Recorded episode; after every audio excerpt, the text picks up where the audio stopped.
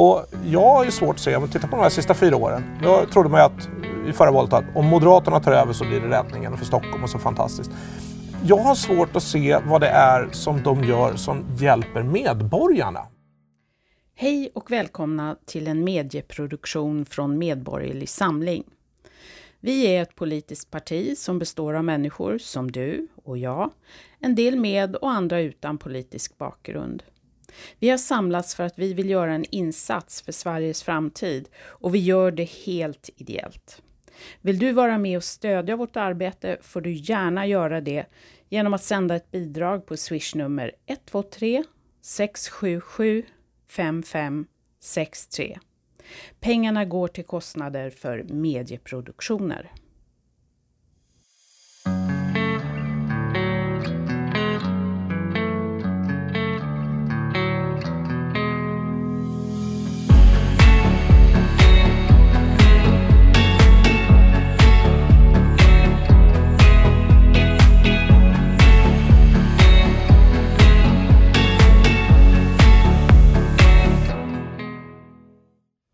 Kära tittare, jag heter Alexander Bard och jag bor på Södermalm i Stockholm. Jag är 61 år gammal. En perverterad gammal surgubbe som älskar att trampa ner miljöpartister utanför mitt hus. Okej, okay, jag har fått säga det.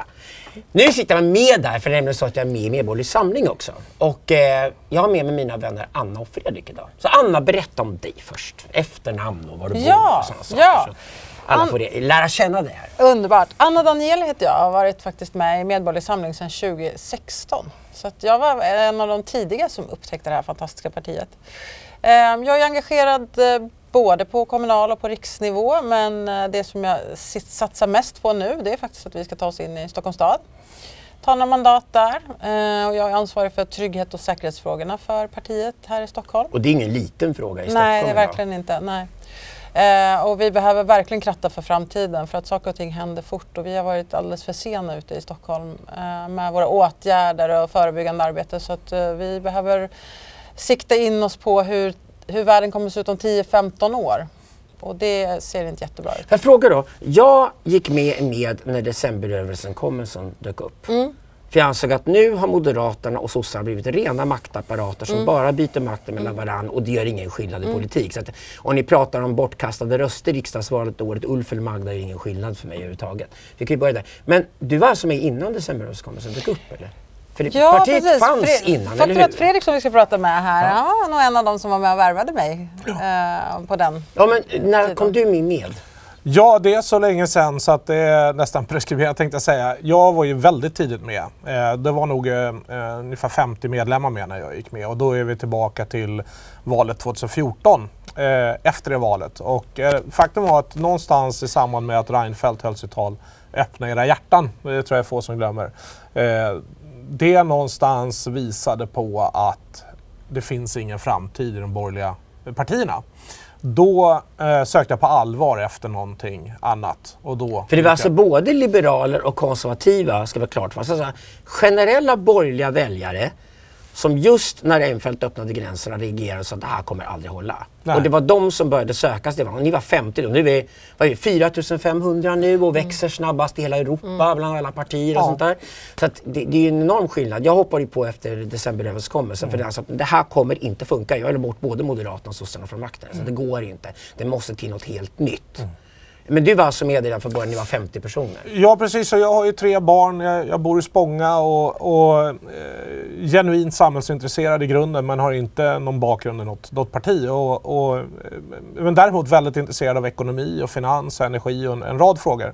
Och eh, har ju sett hur vi egentligen har gått bakåt. På område efter område så går vi i fel riktning. Och, Ehm, det känns som att det mesta har handlat om att vinna nästa val och inte att göra Sverige till ett bättre land. Och det där är ju ohållbart i förlängningen. Det går ju inte, utan vi måste ju göra Sverige till ett bättre land.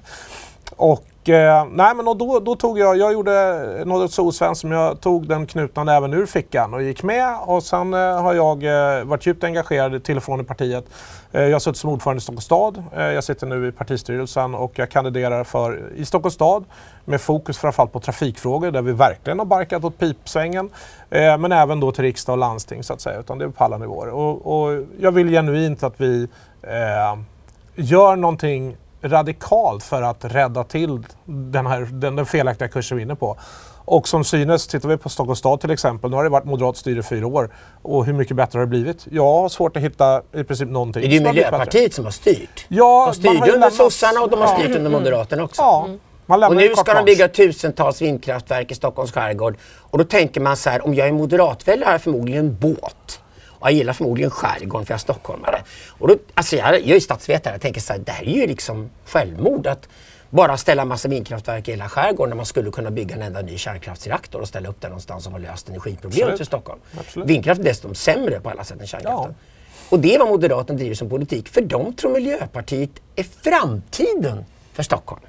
Ja, alltså efter, valet förra, efter förra valet, eh, när Anna König Järmyr kom in och blev eh, eh, den ledande moderaten. Så man gick ju till val på att man skulle gräva ner Centralbron och bygga östlig förbindelse. Och sen direkt efter valet då skrotade man ju de där planerna. Till och med innan man började förhandla med Miljöpartiet. Vä vänta, vänta nu. Ja. vänta. Fredrik Clemens, mina damer och herrar. Fantastiskt Anna Bonnier. För jag gillar er så jävla mycket och jag vill att alla ska fatta det. Om vi går tillbaka till det här. Okej, jag kör bil. Ja. Jag är bilförare och bilägare och det är nödvändigt för mig för jag transporterar runt både människor och saker hela tiden. Och, och jag måste klara av att göra det. Jag bor på Södermalm, jag har ett garage, annars skulle det aldrig gå för mina p-böter skulle flyga upp som en skyskrapa annars.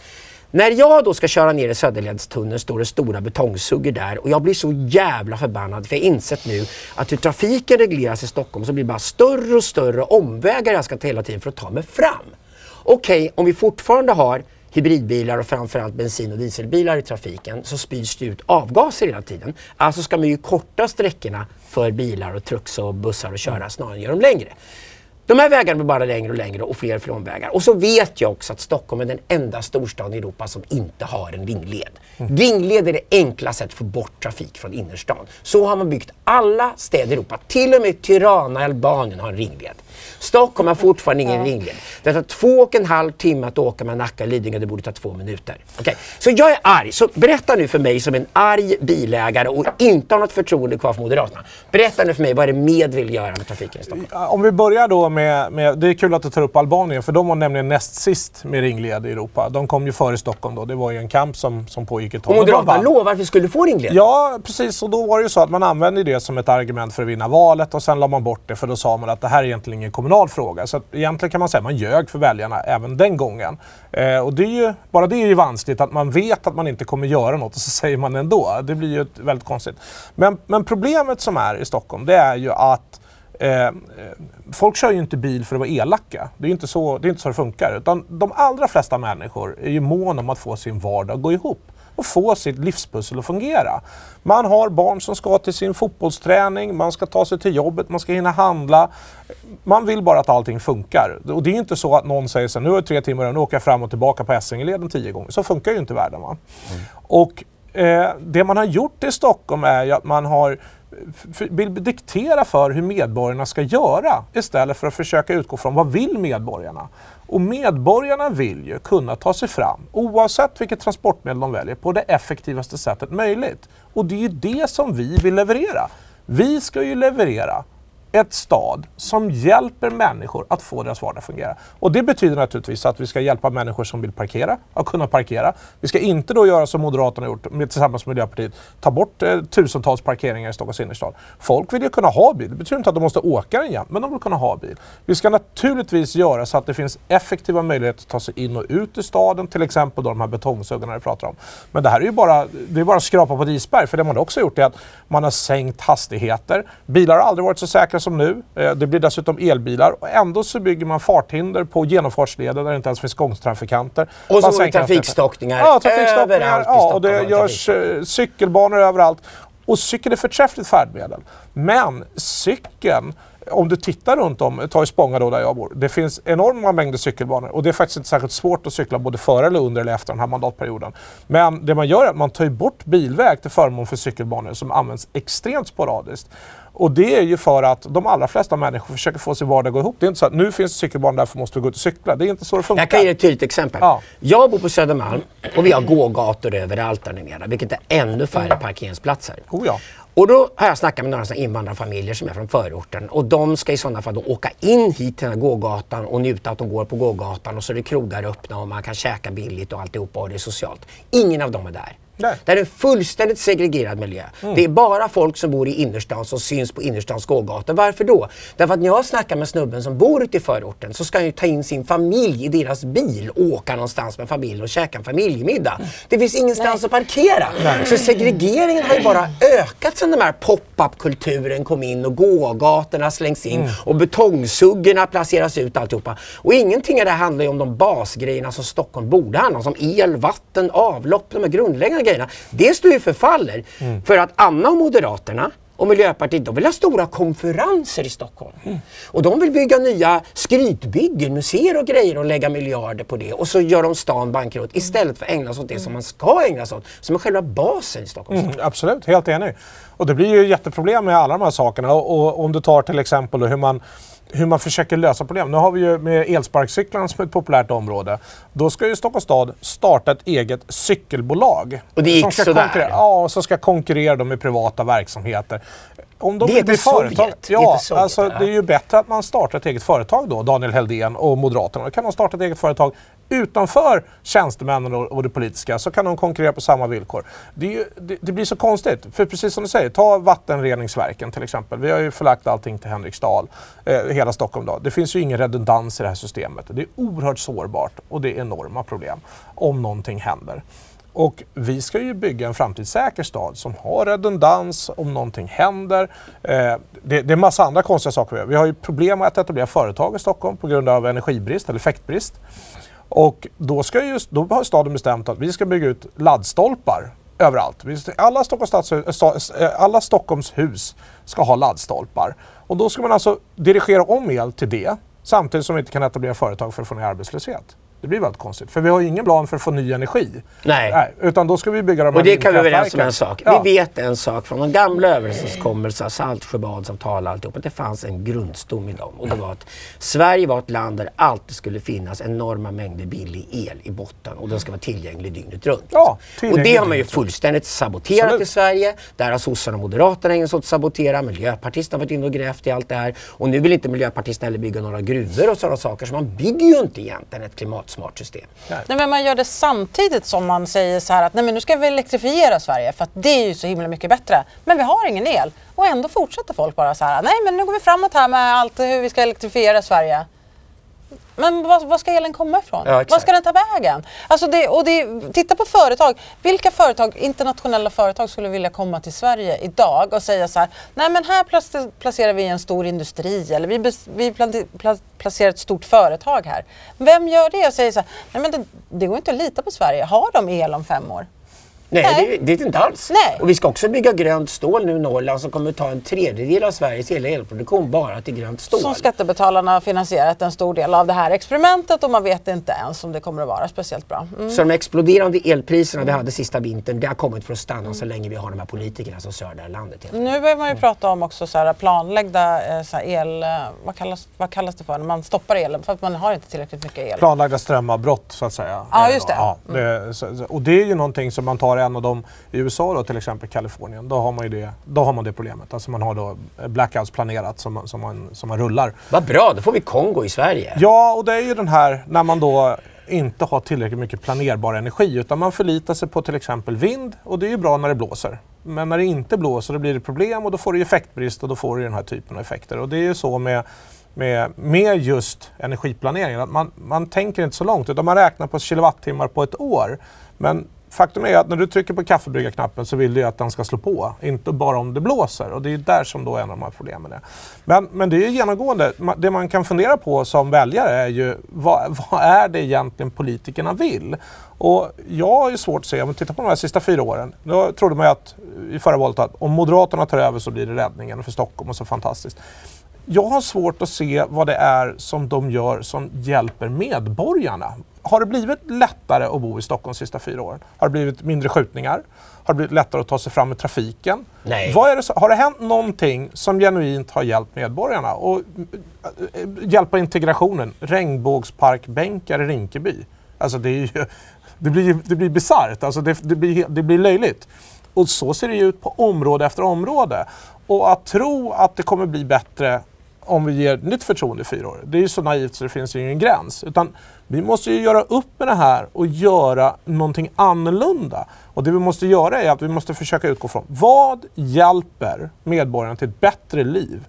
Det är inte att vinna tävlingen internationellt och kunna basunera ut Stockholm det största eller Stockholm det vackraste. Utan det vi ska göra är att vi ska säkra så vi gör vardagen lättare för de som bor här. Det är det vi ska utmätas på. Och att de tycker att Stockholm går framåt, det är det viktiga.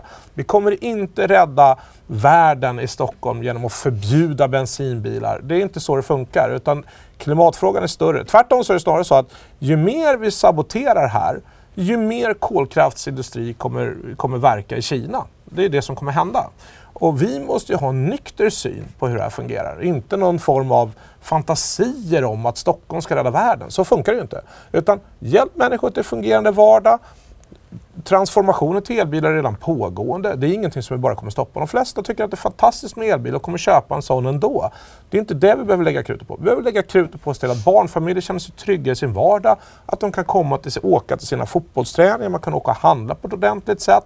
Om man vill cykla ska man kunna göra det eller om man vill gå. Och man ska alltid kunna göra det och vara trygg. Det är det vi måste kunna uppnå. Vi har för mycket Askungen och för få möss. Så är det. Ja, ja men precis. Vi måste backa tillbaka till vad som, är våra, vad som är politikernas kärnuppgifter som de ska lösa för medborgarna. För att idag så sväller vi på alla kanter. Och vi, eh, Stockholms stad springer iväg, som Fredrik sa här. Liksom, vi är med i så internationella tävlingar. Så här. Men vad gör det för gemene man? Gå och fråga någon som bor i Skärholmen. Så här, hur känns det nu att vi var med i den här arkitekttävlingen och, och, och fick ett fint pris? Mm. Nej, men nej, det är ju inte någonting som Du håller ju på mycket med trygghet och säkerhet. Ja. Det är din grej, Anna. Berätta mm. mer om vad du är passionerad över nu mm. och vad du vill göra i Stadshuset. Ja, nej men alltså vi ser ju hur otroligt mycket mer osäkert Sverige blir och, och det går ju väldigt, väldigt fort. Eh, och idag så börjar ju faktiskt polisen tyvärr också överge eh, sina sitt eh, grunduppdrag. Man, man har inte poliser som går på gator och, och patrullerar längre. Eh, vi ser hur eh, poliser skickas från land, ena landsändan till den andra när det gäller, det kommer en ny stor skjutning i Göteborg eller Malmö så måste man skicka poliser eller så sätter man poliser och stämplar pass till exempel. Eh, och det senaste Morgan Johansson sa var ju faktiskt att nu var det ju kommunernas fel. Det är inte Morgan Johanssons fel, det är inte Socialdemokraternas fel, det är inte den socialdemokratiska vänsterpolitiken som har gjort det här utan nu var det kommunernas fel var det senaste. Eh, och jag känner att en av de saker som kommunerna skulle kunna göra, som vi egentligen inte får göra, men jag tycker att vi måste ta utmana staten nu, det är att egentligen så får kommuner inte utreda brott. Och jag har sagt att vi behöver sätta upp en utredningsrotel. Och då tänker jag inte att den utredningsroteln ska jobba med här, skjutningar eller eh, de mest grova så här, våldtäkter eller sånt. Det är helt klart polisiära saker. Men eh, om, man, om man utgår från att broken window-teorin är en teori som fungerar och det vet Berätta vi att den är. Broken, ah, broken window är så här, eh, det var väl, man började väl i USA, i New York under Rudy Giuliani tror jag, som var borgmästare då. Där man sa så här att om vi attackerar även små brott och vi attackerar det på en gång och inte tolererar att det, att det sprider sig. Så fort man ser ett uh, trasigt fönster då ska det fönstret lagas och ser man den förövaren som eh, pangar den här doran så ska den genast omhändertas och det ska bli konsekvenser. Och, så att man, man slutade acceptera de mindre brotten för att man menade att det här byggde på.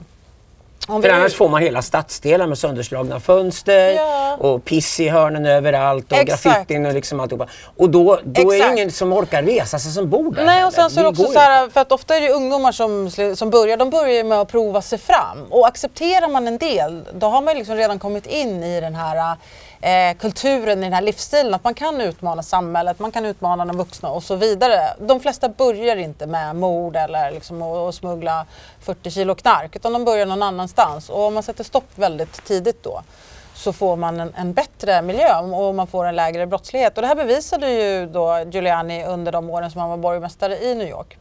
Så att, eh, och det här är en strategi som vi måste börja jobba efter också. Men vi kan inte det därför att det finns inte poliser nog att göra det. Det finns inte polisresurser och det är egentligen inte pengar som saknas. Och vi har dessutom de som kommer ut från polishögskolan i Sverige som hellre vill bli administratörer för det är tjusigare än att bli poliser ja. och gå omkring på gatorna. Ja, och det kan och man förstå. Det är det som är så skevt. Alla poliser jag pratar med säger att det finns ju inte, vi har ingen tjänstemannaansvar i Sverige. Nej.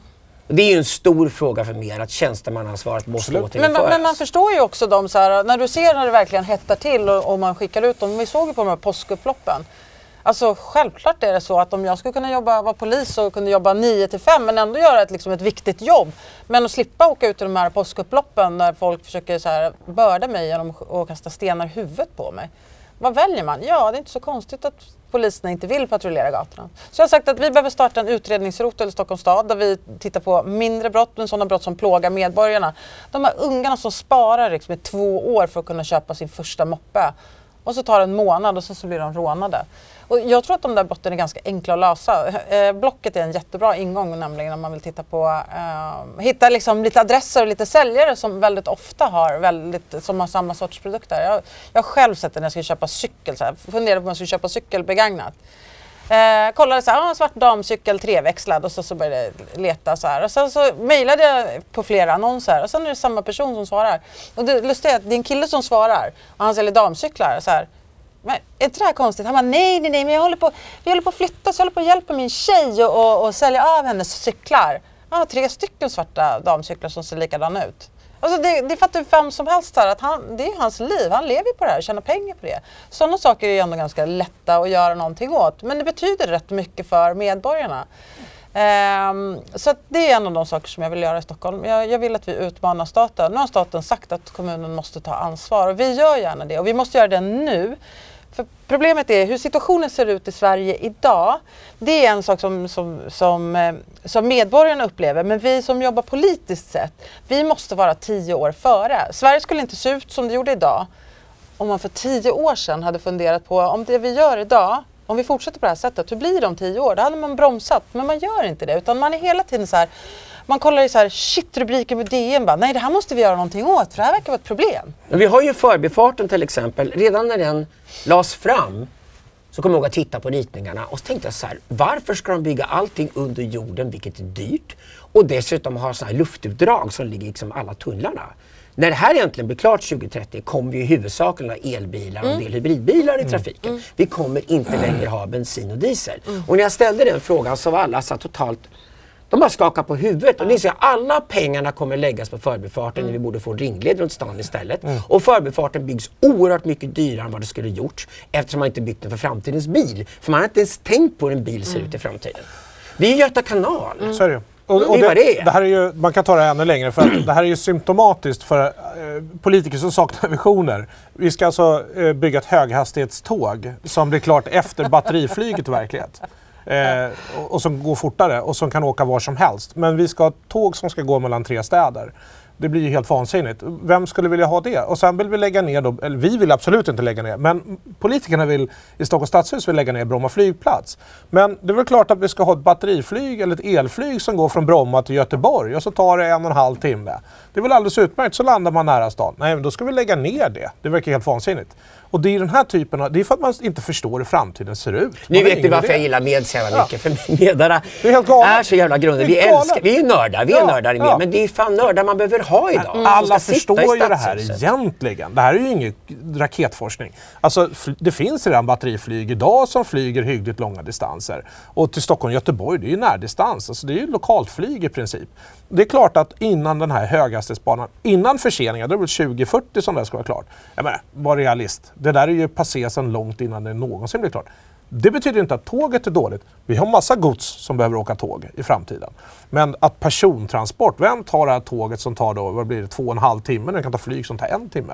Det, blir, det kommer inte hända. Höghastighetsbanan är inte, det är inte, ens, det är inte ens för, trans, för uh, lasttransport utan Nej, det är bara persontransporter. Person, ja, och så är det en passé innan och så kommer det kosta Det är för politikerna själva som en adel idag ska själva åka ja. mellan Malmö och Göteborg. Ja, De ser nog att det är viktigt. Ja, precis. Ja. Och då blir det en station där Annie Lööf bor. Ja. Den hastighetsbanan. Ja. Vi ska säkra och bygga ut den tågtrafik som redan finns. Det är det vi ska göra, som vi ska lägga pengarna på nu. Och sen så ska vi vara ödmjuka inför det faktum att både tekniken men också så människors rörelsemönster förändras ju jättemycket nu. Så här, helt plötsligt så, så börjar alla distansjobba på grund av covid. Och då sitter man ju på tåget och distansjobbar idag. Det vilket gör att jag till exempel åker mer tåg än tidigare. Det kan de göra. Och det tåget kan gärna gå långsammare, spelar ingen roll för jag lägger min mm. arbetsdag på tåget. Mm. Hela tågupplevelsen, det handlar inte om många minuter det tar för mig från Stockholm och Malmö. Det handlar längre. bara om att jag kan göra något produktivt när jag sitter på ja. tåget. Vilket jag kan idag. Ja. Det är kanon. Och fler tåg i sådana fall av den anledningen. Mm. För då är det lättare att transportera folk på tåg. Precis, Men det är inte det där att kapa av några minuter för 100 miljarder för att flytta Nej, kropparna precis, snabbare. precis. Det- Snarare åker du ut i landet och kollar så är alla nedlagda tågstationer i småstäder som är problemet Mm. och får avfolkning. För du kan inte längre resa mellan platserna för tågen stannar. Mm. Det är snarare det som har varit problemet och varit problemet länge. Nej precis, säkra, säkra det vi har istället så att det funkar bra och så att det är stabilt inför framtiden. Och sen måste vi vara ödmjuka och avvakta lite och säga så här, vad, vad kommer tekniken ta oss och vad kommer människors rörelsemönster att, eh, att eh, ha, vad kommer med för behov som vi måste möta? Och när vi vet det, ja men då kan vi börja skotta igen och säga så här, "Ja, men så här kommer det se ut nu. Det här tror vi på de närmsta 30-40 åren. Så vi är liksom politikens gråa möss då helt enkelt. Ja, Så kanske man kan kalla det. ja. Ja, ja, men de andra går ju på de här flashiga projekten. Jag bor ju i centrala Stockholm själv.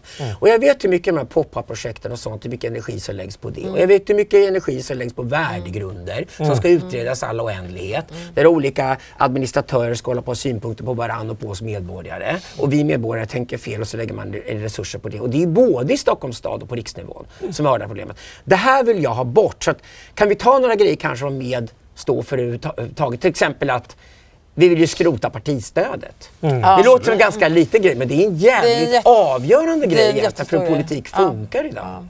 Det som har hänt är ju att eh, partierna har ju tilldelat sig själv medel som de ska liksom arbeta med för att möta väljarna kallas det för.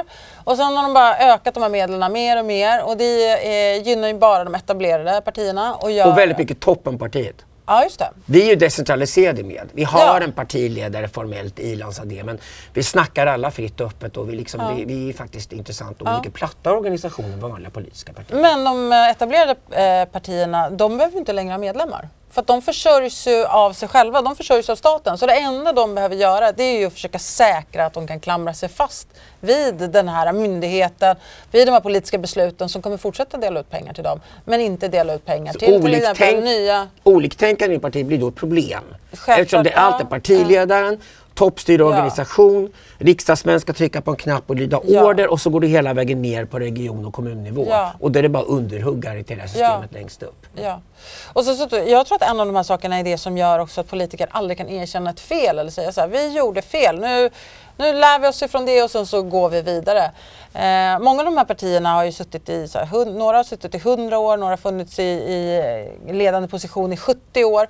Eh, de, har så här, de har gått en väg och den vägen var bra vid ett tillfälle. Det var bra på 50, 60, 70-talet kanske. Så förändras ju världen hela tiden. Men partierna förändras inte och de har då så här låst fast sig vid, men i vårt parti har vi alltid tyckt, titta på den här NATO-frågan till exempel. Så här. Eh, Sossarna har alltid tyckt att vi inte ska gå med i NATO. Det var jätte, jätteviktigt för dem, skulle aldrig gå med i NATO. Så här. Och sen så bestämde de sig för att de var tvungna att ändra sig. Då går det så här fort. Och när man pratar med sossar då om så här, varför ska vi inte gå med i NATO? Ja men eh, det är faktiskt, eh, så folk har till och med glömt varför de har Ja, vissa byta Ja precis, precis. Så man bestämmer vilka åsikter folk ska ha. Ja, det finns ju ännu roligare exempel. Jag tänker på just eftersom vi pratade om energi innan. Om du tar kärnkraften. Moderaterna var ju med i energi, energiöverenskommelsen och drev på för nedläggning av kärnkraft. Gick ut 2019. Nu vill man bygga kärnkraft. De har alltså jobbat i många år för att lägga ner fullt fungerande kärnkraft i förtid. Och det är ju det vi skördar nu. Där har energipriser nere i Skåne på 2 kronor kilowattimmen. Det är ju för att Barsebäck är nedlagt. Det är ju ingen, det är ingen slumpförhållande. Ja, visst. har vi börjat lägga Danskarna fick Ringhals. bestämma om vi skulle ha kärnkraftverk ja, och eller inte. Moderaterna har ju tyckt att det här är toppen. Och nu helt plötsligt så har det här blivit någonting och nu ska vi börja lösa de här problemen. Och det tar ju tio år att bygga kärnkraft. Eller det kanske kan gå snabbare, det kanske kan ta fem år med lite tur. Låt säga. Men det, det är viktigt att vi börjar nu då. Men det, det konstiga är ju att varför började vi inte 2010? Det var ju då vi skulle Ska vi börja vara bygga. konkreta då? Så här. Om det inte längre behöver ta två och en halv timme att ta sig med Nacka och Lidingö. För där bor det borgerliga väljare i massor som borde rösta med kan jag säga, både Nacka och Lidingö. Absolut. Så hur skulle man kunna lösa det i sådana fall? Vad, vad, vad är det här ringleden som Östlig förbindelse. Östlig förbindelse. Det är ju någonting som Trafikverket har drivit på jätte- jättelänge. Och de tycker ju att det här är en självklarhet naturligtvis. Att vi ska bygga en... Att vi ska, det som en gång hette i tiden hette Dennispaketet, här i början av 90-talet. Och man bestämde att man skulle bygga ett antal olika, sådana- Södra länken var en av de komponenterna. Och då ville man bygga Östlig förbindelse och det skulle naturligtvis avlasta hela, all trafik i Stockholm skulle avlasta fantastiskt mycket. Och även möjliggöra kollektivtrafik. Och det är en, en tunnel egentligen som går ner till, från, som ska börja från Södra länken och gå runt och så ska den gå upp ner vid, nor vid Norra länken så man knyter ihop det här. Då. Och alla och vet som bor på Lidingö hur bra det har varit med Norra länken för att ta sig Lidingö till Arlanda. Det, ja, det vet alla om. Ja, så det är liksom inte rocket science. Nej, det är självklart. Och egentligen skulle vi bygga ytterligare en ringled utanför. Då. Eh, för vi växer Och det här, är, det här är lite intressant för att i Stockholm finns det ju någonting som heter eh, RUFS regionala utvecklingsplanen för Stockholm. Det är väldigt få som känner till den här planen eh, av vanliga väljare. Men man har ju bestämt att Stockholm ska växa. Eh, vi ska bli en bra bit över 3 miljoner invånare i Stockholm fram till 2040. Varför är lite oklart, men vi ska växa. Eh, och eh, det är intressant, hur ska vi då kunna växa utan att bygga ut infrastrukturen om vi börjar i den ändan?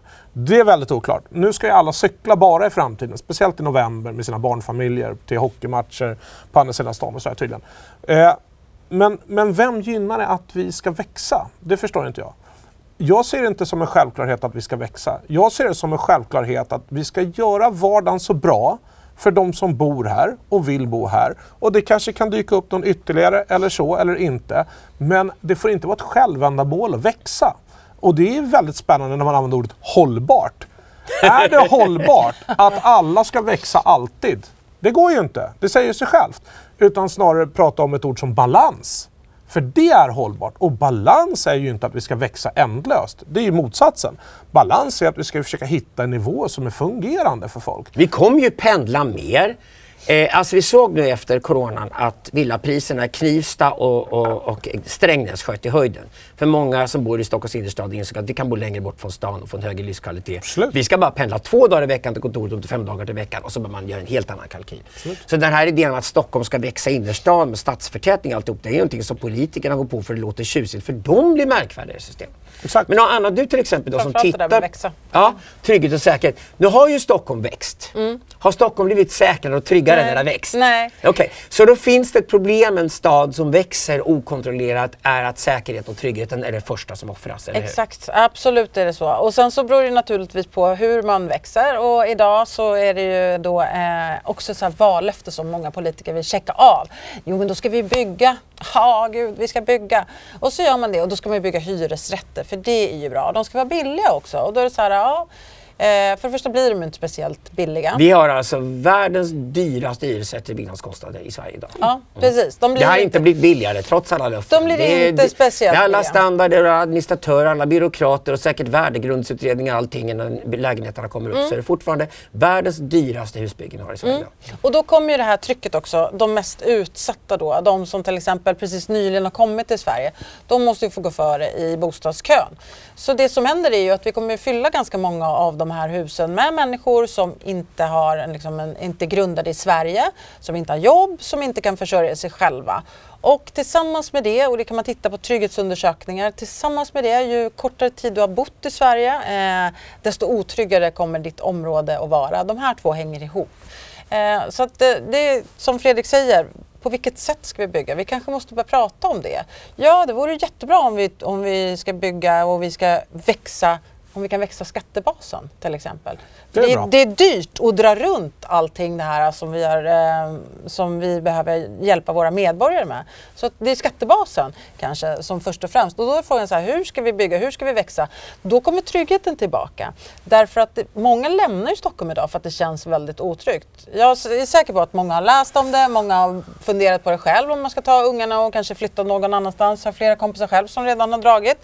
Så om vi ska växa och vi ska växa med den sortens eh, personer som, eh, som eh, kanske tjänar väldigt mycket, då måste vi säkra det här med tryggheten i Stockholm. Vi måste säkra så att eh, folk vill komma hit, känner sig trygga med att ta hit sina barn. Och så ser det inte ut idag. Jag är lite fördomar här då kanske om med, men jag tillhör de som anser att Medborgerlig Samling är det är i första hand folk som passerat 50, de är fortfarande väldigt starka och vitala, har massor att ge livet och sånt där. Och så har de jobbat hårt, betalt av lånen, skaffat en Tesla och har en villa i Bromma. Mm. Och sen börjar det smälla i Bromma också. Mm. Och nu kommer tonåringarna hem och berättar för föräldrarna att det är inte alls särskilt lugnt och nice där ute längre. Mm. Och så känner föräldrarna inte ens igen Sverige. Det här är ett helt annat mm. Sverige. De växte upp i och vill ha. Mm. Och istället då för att nöja sig med skidstugan i Åre och skaffa kåken i Spanien som kanske många av de här framgångsrika borgerliga väljarna har gjort tidigare och skita mm. politik. Så kommer de tillbaka och så går de med. Och orsaken till att de går med med, det är att med har ju från första början snackat ja. om precis de här problemen. Snart ja. kommer gängskjutningarna in ja. i Bromma. Nu smäller det i Bromma. Då har Moderaterna ingen som helst trovärdighet mm. bland de borgerliga väljarna som bor där. Och då minns jag att jag måste jag engagerar mig politiskt under min livstid. Jag måste tyvärr göra det. Mm. Fast jag aldrig mm. varit politiskt engagerad förut. Mm. Jag måste ändå bli det nu. För mina barnbarns skull till och med mm. småningom. För det är här Sverige mm. måste räddas. Och då tittar de sig omkring och de enda som protesterat och sagt det förutom med har varit Sverigedemokraterna. Men Sverigedemokraterna har inga lösningar. Nej. De är missnöjespartier som sagt att ja, det här kommer gå åt helvete, kommer åt helvete. Och sitter i alla fall och försöker fråga vad de ska göra och det slutar med att det blir sossepolitiken då. Mm. Och då börjar de upptäcka med. Är det någon här som suttit och sagt det här sista tio åren? Ja, Sverigedemokraterna sa det redan mm. innan. Mm. Men med har sagt det och omgående förstått att vi måste också komma med åtgärderna mm. för att lösa problemet. Det som, är, det som är intressant med det här, det, det är flera. Jag bor förut i Spånga. Det är inte som Bromma, men jag, bor, jag ser Rinkeby från, min, från mitt fönster och även Tensta, de här utanförskapsområdena. Och det som, det som är så tragiskt i det här, för du frågar vilka som engagerar sig. Det är ju så att det är väldigt många högutbildade som har väldigt god insyn i hur samhället fungerar som är engagerade med. Så är det eh, och som är djupt oroliga och som har en referensram från hur andra länder fungerar. För många tror ju att det måste vara så här och det finns ingen annan väg och det är experterna som egentligen rådger och det kan inte bli på något annat sätt. Men det stämmer inte. Utan det är ju för att man röstar fram politiker som vill ha det här på det här sättet. Och även om de inte säger det så blir det ju konsekvenserna av vad de gör. Och det är ju att de är oförmögna att förstå det, det är ju allvarligt nog. Men problemet som är här, det är ju att det här med växa som stad och så vidare. Då, då trygghetsfrågorna. Hur trygga tror du de är som är laglydiga medborgare som bor i Rinkeby och Tensta och ser sina barn gå i skolan där? Det är ju en kraftfull majoritet. Vi pratar ju 95 procent. Det är helt vanliga människor som bara vill att deras barn ska få en god utbildning, växa upp tryggt och få allting att fungera. Det är ju de som är de största offren för det här. Mm. Som vi fullständigt misshandlar. Vi har en ny grupp som jag har märkt sista ja. året kommer med och det är invandrare som har fattat läget. Ja, självklart. Mm. Och när de sitter och tänker så här, vi har, blivit fostrade i som sagt socialdemokratiskt ja. röstboskap. Det är galet. Och nu kommer Nyans in i andra änden, ja. det andra nya partiet ja. i Sverige förutom med. Och nu ska de försöka locka oss över dit. Och så här, aldrig i livet! Nej, jag vill inte vara med i det här överhuvudtaget. Och det är då de upptäcker med, för då börjar de orientera sig efter att vi kanske måste titta någon annanstans. Ja. Det är därför så många rekryteras som invandrare idag. Ja. För de känner sig välkomna med. Ja. Vi har alltid varit invandrarvänliga men integrationskritiska. Ja, vilket exakt, är en stor absolut. skillnad från att vara invandringskritisk. Det är inget problem med invandrare. Det är integrationen som måste fungera och det är det som är Meds selling point. Ja, och jag kan säga så här, jag, jag har precis huserat en ukrainsk familj i min källare under ett par månader och försökt hjälpa dem in i det svenska samhället. Och jag, jag, migrationsprocessen är helt galen. Det är helt snurrigt. Det är ju inte byggt för att hjälpa folk att stå på egna ben. Det är ju att hjälpa folk att hamna i ett permanent utanförskap. Det är hela svenska modellen. Och så gör folk det. Vilken chock! Och då hamnar de ju till exempel i de här utanförskapsområdena och det de vill göra, de vill ju säkra sin vardag och då har det blivit översatt till de vill säkra bidrag. Men det är ju inte det samhället vi ska ha. Vi ska ha ett samhälle där folk är självförsörjande, tar ansvar och jobbar. Det är det vi ska göra. Vi ska ge folk förutsättningar att stå på sina egna ben och det talas det ju tyst om. Självförsörjningsgrad, mäts ens det talet? Självförsörjningsgrad, det är helt uppenbart att det är det som är ska det stora nyckeltalet för sig. Vi vill ha så många människor som möjligt som försörjer sig självt. Och vi vill i så hög utsträckning som möjligt göra Sverige mindre sårbart, där Sverige är självförsörjande. På mat, på energi, på mineraler, på rubbet så mycket som möjligt. Så att vi kan stå på våra egna ben. Det är ju det som leder till trygghet. Människor som är i utanförskap, de blir ju aldrig trygga. Och då leder det till alla de här Men det här är ju vad, vad som har hänt. Alltså, Socialdemokraterna och Moderaterna har växlat makten. Både här i stan, i Stockholm och sen i landet. Och det de har gjort är att de har hjälpt till att bygga upp en asylindustri. Ja, Vi måste hel, prata om asylindustrin. Det är en industri. Det är en industri. Den har sina egna intressen idag. Ja. Och den har inte intressen av att integrationen ska fungera. Den har intressen av att hålla igång en massa asylboende och liknande, göra folks bidragsberoende för att den är själv ja. bidragsberoende. Ja. Så våra skattepengar går rakt in idag i en asylindustri som ja. hålls igång och nu är den så stor att den är sin egen lobby. Ja. Och det är självklart, då sitter både sossarna och moderaterna bakbundna för de har egna intressen i asylindustrin. Mm. Antingen gör man karriär som utredare i asylindustrin där man sosse. Eller också äger man någon av de här människofabrikerna man stoppar in asylsökande i och då är man moderat. Mm. Och då har vi fått det här problemet med asylindustrin. Då vi måste adressera den och gå rakt på den. Och då kan vi inte göra det varken moderatstyre eller sossestyre. För de är för insyltade. Du ska tänka att vi har samma sorts industri i Stockholms stad som, eh, som lever på eh, skattebetalarna. Vi har mängder med organisationer, framförallt ute i orten, som säger sig representera orten då. Och det de eh, pratar om ofta är så här att eh, vi är drabbade av rasism och vi får inte eh, vi välkomnas inte in i samhället till exempel. Jag tittade på trygghetsundersökningen från 2020. Man gör en trygghetsundersökning var tredje år i Stockholm.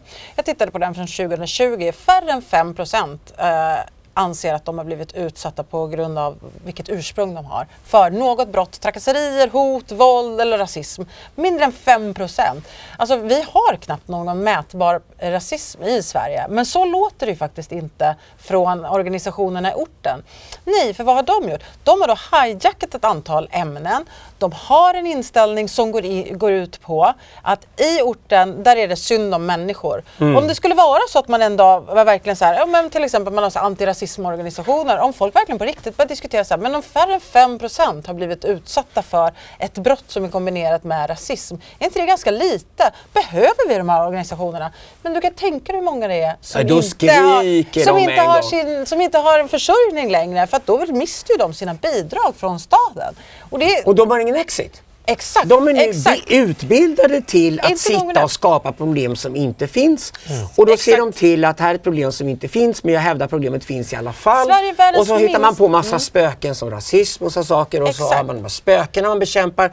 Och det är väldigt bra att bekämpa spöken eftersom spöken inte finns för då kan man hellre lösa problemet. Precis. Och då får man bidrag Precis. igen och igen och igen. Precis, och Sverige är då världens minst, minst, rasistiska land när man mäter. Det finns olika undersökningar men ungefär Sverige är världens minst rasistiska land. Då har det dessutom visat sig. I Göteborg förstår du så har man gjort undersökningar eh, i förorten och man har pratat om sådana saker som trygghet och sådär. Eh, och då har man gjort undersökningar där man så här, stoppar folk på torget och så, så intervjuar man dem. Eh, och vid något tillfälle så sa, Stockholms, så sa Göteborgs universitet så här men borde vi inte gå och ringa på dörren och, och, prata med folk? För det är bara en viss sorts människor vi träffar på torget. Nej, det går inte. Det är för osäkert i den här orten, sa de. Och de som gjorde den Oj. undersökningen bestämde sig för så här, nej men det måste vi göra. För att annars så får man ju bara de som går och handlar på just det här torget.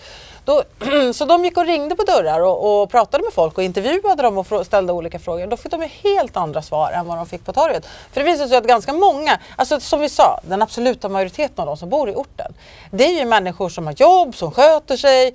De vill kanske inte ens vara på det här ortentorget för där känns det osäkert. De tar bilen och åker och handlar i ett område där det är tryggt. Och de är välkomna att gå med i med. Ja, ja, de medlemmarna vill ha. Vi älskar invandrare som vill jobba. Och de svarar helt andra saker. Eh, då fick de helt andra andra svar än vad man fick nere på torget. Och det här är en sak som är jätteviktigt för Stockholms stad. När vi kommer in, vi måste börja granska så här, vilka är våra uppgiftslämnare och hur mycket kan vi lita på att det de säger är rätt och de undersökningar vi gör, gör vi verkligen det på ett trovärdigt sätt så att vi får med oss alla röster? Eller är de uppsatta för antingen med mening eller Ja, för att man inte har tänkt på det. Mm. För att det ska leverera en sorts åsikter och en sorts svar om hur livet i orten är, eller nu, människor i orten nu, tycker. Ja, nu, nu hugger jag direkt här. på. Med Stockholms stad, det här är spännande. Alltså jag tror ju, vi får se hur det går i riksdagsvalet, det kan hända väldigt mycket fram till september. Men Medborgerlig Samling kommer ju spränga massor med väggar det här valet. För vi, vi har vuxit så mm. snabbt nu. Alltså vi fördubblat mm. sista halvåret av partiet i Sverige. Och nu kommer vi in i många kommuner. Vi sitter i några kommuner redan, vi kommer spränga massor med kommunväggar. Då tittar vi på Stockholm. Här är det roliga. Vad krävs det i Stockholm för att komma in i stadshuset? 19 000 röster tror jag va? Typ. Ja. Alltså det är ju ingenting. Nej, det är ingenting. Nej. Vi har ju gått från 600 till 1500 mm. medlemmar bara sista halvåret. Mm. Så basen växer ju snabbt för med i Stockholm just nu. Mm. Och vi vet, det vi vet säkert idag är att mellan 5 till 10 procent av Stockholms väljare säger redan idag att de inte tänker rösta på parti som sitter i stadshuset idag. Ja. Okay. Så antingen har Nyans lyckats sprängas in överallt eller också ligger med väldigt starka i opinionen. Mm. Vi skulle realistiskt kunna tänka oss att med ligger redan idag runt 3 i Stockholm. 3% är ju precis marginalen för att komma in i stadshuset. Så att det är så viktigt att komma ihåg att trots de små resurserna, men tack vare att många är med och brinner för den här grejen, Den digitala borgerligheten har äntligen fått ett hem. Liksom, är man på Facebook-forum och diskuterar borgerlig politik så är man med där idag. Alltså, det finns en grundplåt här lagd och Stockholm skulle nu faktiskt kunna bli ett ställe där vi dansar in i stadshuset. Mm. Personligen då, får gärna spekulera lite här med mig nu. Gärna. Personligen tror jag så här. Att en väldig massa moderatväljare i Stockholm tycker att Stockholms skärgård är väldigt vacker. Mm. De har inte lust att åka vindkraftslalom med sina segelbåtar genom Stockholms skärgård. Vilket är exakt vad de kommer få Moderaterna lovat att mm. de måste göra nu. För Moderaterna är så kåta på de här vindkraftverken de ska bygga. Tusentals sådana. Istället för att bygga en kärnkraftsreaktor som man till och med skulle kunna ställa in i stan. För det har du sagt ja. Fredrik. Ja. man oh, okay, okay, okay. Nu går vi på en moderatväljare här. Nu utmanar vi dem och säger så här. Ni vet alla om trafikkaoset, ni vet alla om hur rörigt det är alltihopa. Ni vet om att trygghet och säkerhet funkar inte. Och ni vet att Moderaterna har inte gjort det bättre de sista fyra åren. För de har bara kört sina pop-up tillställningar och miljökonferenser och skiter i stan. Daniel Idén har styrt stan nu två mandatperioder i rad. Det här är inte okej. Okay. okay. nu är jag, nu är jag liksom borgerlig väljare i Stockholms stad. Nu vill jag fråga er. Hur ska vi få moderatväljarna att fatta att vindkraftsslalom inte är framtiden? Så här är det. Vi börjar med det. Eh, jag driver ju även företag, så jag är ju entreprenör egentligen. Det här är ju någonting som jag är nödgad att göra. Det är ju inte så att jag tjänar några pengar på det här. Tvärtom, det har kostat otroligt mycket pengar. Vi har inga broilers i Medhårs, Nej, vi har inga broilers. Mitt parti, broilers. Men en av de saker som jag jobbar med är ju opinion och, och analys för företagsräkningar. Och, eh, eh, vi har ju gjort egna opinionsundersökningar för att se hur det ser ut för med i Stockholm. Och om vi eh, bortser från den frågan som man oftast mäter, det vill säga vilket parti skulle rösta på om det vore kommunalval idag.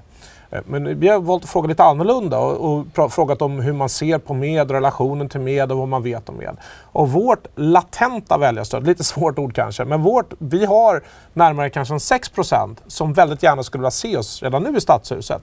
Och den här mätningen gjordes i december. Och det har hänt väldigt, väldigt mycket sedan dess. Så skulle bara hälften av dem som funderar faktiskt på att rösta på oss göra det redan från december, då är det här klart. Och då kan jag säga, då blir det ingen fripass till Helldén. Och det finns en rad frågor som jag tror de flesta är angelägna om. Du har din, din vindkraftspark ute i skärgården som Moderaterna vill bygga. Ja, nej den kommer ju inte ske, det kan vi säga på en gång. Det är helt uteslutet. Men vill du kunna parkera bilen i Stockholm? Vill du att vi ska sluta ha 30 på varenda väg som är en genomfartsled utan fotgängare? Ja, då är det med. Vill du överhuvudtaget att bilen ska kunna ha en, en, en, existens i Stockholm, då är det med. Och röstar man Moderaterna trots detta, då tycker jag inte att man ska klaga sen. Utan då får man helt enkelt skylla sig själv. Så har du skaffat elbilen och du har laddstolpen, är det fortfarande med som gäller? Ja, det är det för De andra bryr sig inte om dig heller. De blir, de har, de, Moderaterna och sossarna har gått med Miljöpartiet på att hatet mot bilen ja. och inte hatet mot avgaserna ja, ska driva politiken i Stockholm. Precis så är det. Och det är chans att ändra på det nu. Och det skulle ju vara så fantastiskt roligt om folk faktiskt tog näven ur fickan och gjorde någonting åt det. Och i Stockholms stad, då är det ju en realitet. Det ser ju väldigt troligt ut att vi kommer in och vi kan komma in rejält om folk faktiskt tar sitt ansvar och röstar på någonting som de tror på istället för att gå och proteströsta på någonting som de hävdar är minst dåligt. Och du ska lägga, jag ska lägga till en sak här också är att om du skulle få för dig vara så galen så att du skulle söka medlemskap i traditionella riksdagspartierna i Stockholm. Ja, ja, då skickar de ett brev till dig och sen är det en tant som tar emot en kopp kaffe och sen får du veta hut och sätta hierarkin. För det är vad de gör. Ja. På med är det väldigt enkelt, man går på medpubben. Så är det. Medpubbarna har blivit en folkrörelse. De är mm. fulla jämt, de är skittrevliga. Både medare och icke-medare kommer och snackar och pratar politik. Och hela grejen, jag älskar medpubbarna. Och nu har vi dessutom snott Gudrun Schymans koncept om homeparties. För vi har ju stora villor i med, mm. så vi har homeparties. och det är så jävla kul att prata politik på det här sättet. Och varenda homeparty jag varit på så är det några nya medlemmar som går med. Alltså några mm. som suttit och funderat och sagt, nej äh, vad fan, vi går med nu. Jag och kärringen eller jag och gubben, nu går vi med. Alltså, vi, vi, måste faktiskt engagera oss. Det går inte att fixa Sverige och går inte att fixa Stockholm om man inte engagerar sig. Och, det, är och det här är intressant tycker jag rent organisatoriskt, att tröskeln är så låg. För det är direkt in i sociala sammanhang, träffa andra människor, prata politik. Och det är okej okay att vänta med att bli medlem och därigenom kunna prata om borgerlig politik i Stockholm. Och du, du Anna, Mm. Vad säger du till de här moderatväljarna som tror de fortfarande ska vara lojala mot Moderaterna eller mot, mot, mot riksdagspartierna Nej, jag... när det gäller Stockholms stad? När det ja. gäller med och Stockholms stad? Nej, jag, jag har sagt det. Rösta som ni alltid har röstat, få det ni alltid har fått. Och det ser ju inte bra ut längre. Alltså nu måste man faktiskt ta och skärpa till sig. Jag har sagt till mig Ska själv... vi tippa då att de borgerliga partierna i Stockholms stad, nu gissar jag, jag får gissa för jag är statsvetare. De kommer köra bussning som nästa kort. Ja, det är inte... Ja. Mm. Det var de kommer köra som Ja. nästa kort. Det, det betyder att dina barn inte kommer inte gå i skolan där du bor. Det är inte omöjligt. Det är nästa mandatperiod. Men du vet, För de det, kommer bli tvungna att gå dit för de har inga andra svar på segregationsproblemet fast det kommer inte dröja så länge innan det är slut med bussningen. För att jag tror att, vad är det, kanske sju år kvar tills att eh, eh, fler barn som går i, i skolan är födda utomlands än, än i Sverige. Eller har, eller har utan, utländska föräldrar. Ja, men nu Så är att du snäll mot dem och garderar dem alltihopa. Nu pratar jag mer om faktiskt vad du ska rösta på den här hösten. Och hur du vill fixa till Stockholm. Absolut. Vi, Medborgerlig Samling. Alltså det är dags att ge de här en, en örfil nu. Vi ska rädda Så- Stockholms skärgård till att börja med. Det är Stockholms uppenbara skärgård. Stockholms skärgård. Vi ska bli av med trafikstockningarna, eller hur? Absolut. Vi ska ha en trygg och säker stad. Och sen så som får vara vi- så stor som den vill vara. Vi ska återföra demokratin också. Alltså politik och politikerna och de politiska besluten de ska gynna våra skattebetalare. Och det ska de göra på ett transparent sätt. Vi ska inte se fler sådana här skolplattformar. Vad kostade den? Det flera- En miljard kronor. Ja, och det funkar inte. Den funkar inte. Varför funkar den inte? Jo, för att man bestämde sig för att nej, vi ska göra något helt eget. Vi ska inte köpa en färdig lösning. Vi ska ju göra något eget. En miljard kronor av skattebetalarnas pengar. Inte nog med det. Då, några driftiga föräldrar sätter sig ner och gör en app så att man överhuvudtaget föräldrar och lärare ska kunna hantera den informationen de behöver plocka ut från den här skolplattformen. Och de blir gång på gång polisanmälda av våran Och det är stad. Moderaterna. Det är Moderaterna. Det är Moderaternas Och det- politik. Gång på gång. Och jag blir Motarbeta medborgare som saken i egna händer när Moderaterna har fallerat. Och det är ju till exempel. Det är till exempel. Det är precis samma som när nu ska starta ett kommunalt cykeluthyrningsföretag. Och så ska man bygga en egen skolplattform. herregud. Varför kan inte Moderaterna starta egna företag och sälja grejerna istället? Som, när, de funkar. För de kan inte driva nej, företag längre. Utan nu ska det, det är precis samma som sossarna. Det är blåsossar det här handlar om. Och det, det blir helt bedrövligt. Vi ska inte, Stockholms stad ska inte driva ett cykelföretag. Och Stockholms stad ska inte ha ett IT-bolag som ska bygga smäckra tjänster och börja sälja och kränga ha sig. Utan det får entreprenörer göra. Och sen så försöker vi politiker göra så att staden blir trygg och tillgänglig och bra för alla. Och jag vill knyta an till en sak tidigare om, om integration. Det bästa sättet att få bukt med, om det nu må vara rasism eller otrygghet, det är att få folk i arbete. För om folk jobbar och de försörjer sig själv och är i en situation där de själva kan påverka sin egen tillvaro för att göra det bättre för sig själv. Då finns det ingen som kommer bli förbannad på dem. Vem, blir förbannad på de som betalar massa skatt? Som bidrar till samhället. Det är klart att man inte gör. Och det är ju det vi ska göra. Och nu har det gått fyra år igen och nu är Moderaterna storbröstat och allt vad det nu är. Det har inte hänt ett smack. Man har inte en, överhuvudtaget en idé om hur man ska kunna åtgärda de här sakerna. Det finns ingenting. Utan det är regnbågsparkbänkar och cykelbanor i Rinkeby. Det är lösningen. Symboler. Symboler. Symboler. Hjälper inte ett dugg. Det mest tragiska med det här med att vi låser fast människor i bidrag och utanförskaps, eh, utanförskapet och det är verkligen så att samhället, staten, det offentliga låser fast de här människorna där. Det som händer det är ju att eh, att eh, motviljan, rasismen, den kommer att öka. Därför att diskussionerna blir hetare och hetare om så här, de där och vi här. Och det, det behöver inte ab- absolut handla om så här, vi svenskar och de invandrarna. För det finns jättemånga invandrare som jobbar så de sitter ju också här nu. Och så blir det de där, de är lata, de är dåliga. Vi, vi kommer att se en, en rasism blåsa blossa upp i det här landet som inte har dess like. Och det finns jätteenkla saker att göra åt det. Vi kan bara gå ut och börja titta på så här, socialbidragen. Vet du, Jag vet att eh, en av kranskommunerna i, eh, i Stockholmsregionen, de gjorde så här. De gick ut och så började de göra hembesök, folk som hade fått socialbidrag. Och sen så bestämde de sig för att kolla om de verkligen, liksom, folk som hade fått socialbidrag verkligen gjorde det de sa att de gjorde. Ja, men var hemma eller bodde på det ställe där de sa att de bodde eller att de inte var gifta längre eller sådana saker. Du vet, de minskade socialbidragen en fjärdedel och det är ju hundratals miljoner vi pratar om. Och det är också sådana saker, så här, då bryter man utanförskapet samtidigt som man sparar in på Man skattebetalarnas skapar pengar. rätt incitament. Samtidigt som man börjar lära folk att försök inte blåsa oss, försök inte, eh, kom inte in i det här samhället nu och, och ägna dig åt brottslighet. Man börjar med sådana saker och så, så går man vidare och så, så går man vidare. Det finns jätteenkla saker att göra som handlar om sunt förnuft. Om vi bara kunde sluta dalta och vi kunde sluta låtsas att att, ehm, att invandringsproblematiken, man får inte prata om den för att den handlar om rasism. Svenskarna är inte rasistiska. Varken i Stockholm, eller i landet eller i riket. Vare, vare sig de röstar till vänster eller till höger. De är inte rasister och det vet invandrarna, det är därför de kommer hit. De kommer hit, de tar sina barn hit. Det skulle de inte göra om inte Sverige var så välkomnande. Men vi måste sluta dalta. Mm. Det är det bästa vi kan göra. Slutar vi dalta, då kan de här människorna de har en möjlighet att, blomstra. Deras barn ser sina föräldrar blomstra klara sig själva. Inte sitta utanförskap år ut och år in, inte kunna språket, inte ha kontakt med liksom, Och inte kunna åka en bil in till gågatan där det sociala livet finns heller Precis. för att man får inte köra bil längre. Precis. Det här är skitbra grejer och då betyder det här Ska det här funka, ska Sverige fungera, måste Stockholm fungera. Mm. Och nu är vi med väldigt exalterade över att vi håller på att närma oss Stadshuset i Stockholm. Och vi vill gärna inbjuda alla ni där ute att gå med med eller gå på medpub, engagera er och framförallt rösta med det här valet. Det finns ingen bortkastad röst. Det har faktiskt Miljöpartiet bevisat. De har testat mm. Moderaterna och sossarna i Stadshuset och de är totalt utbytbara. Utan det här är precis det stället man verkligen kan lägga röst på mer idag och känna sig säker på att den verkligen är på rätt ställe. Mm. Tack ska ni ha! Tack så mycket! Tack! Yeah.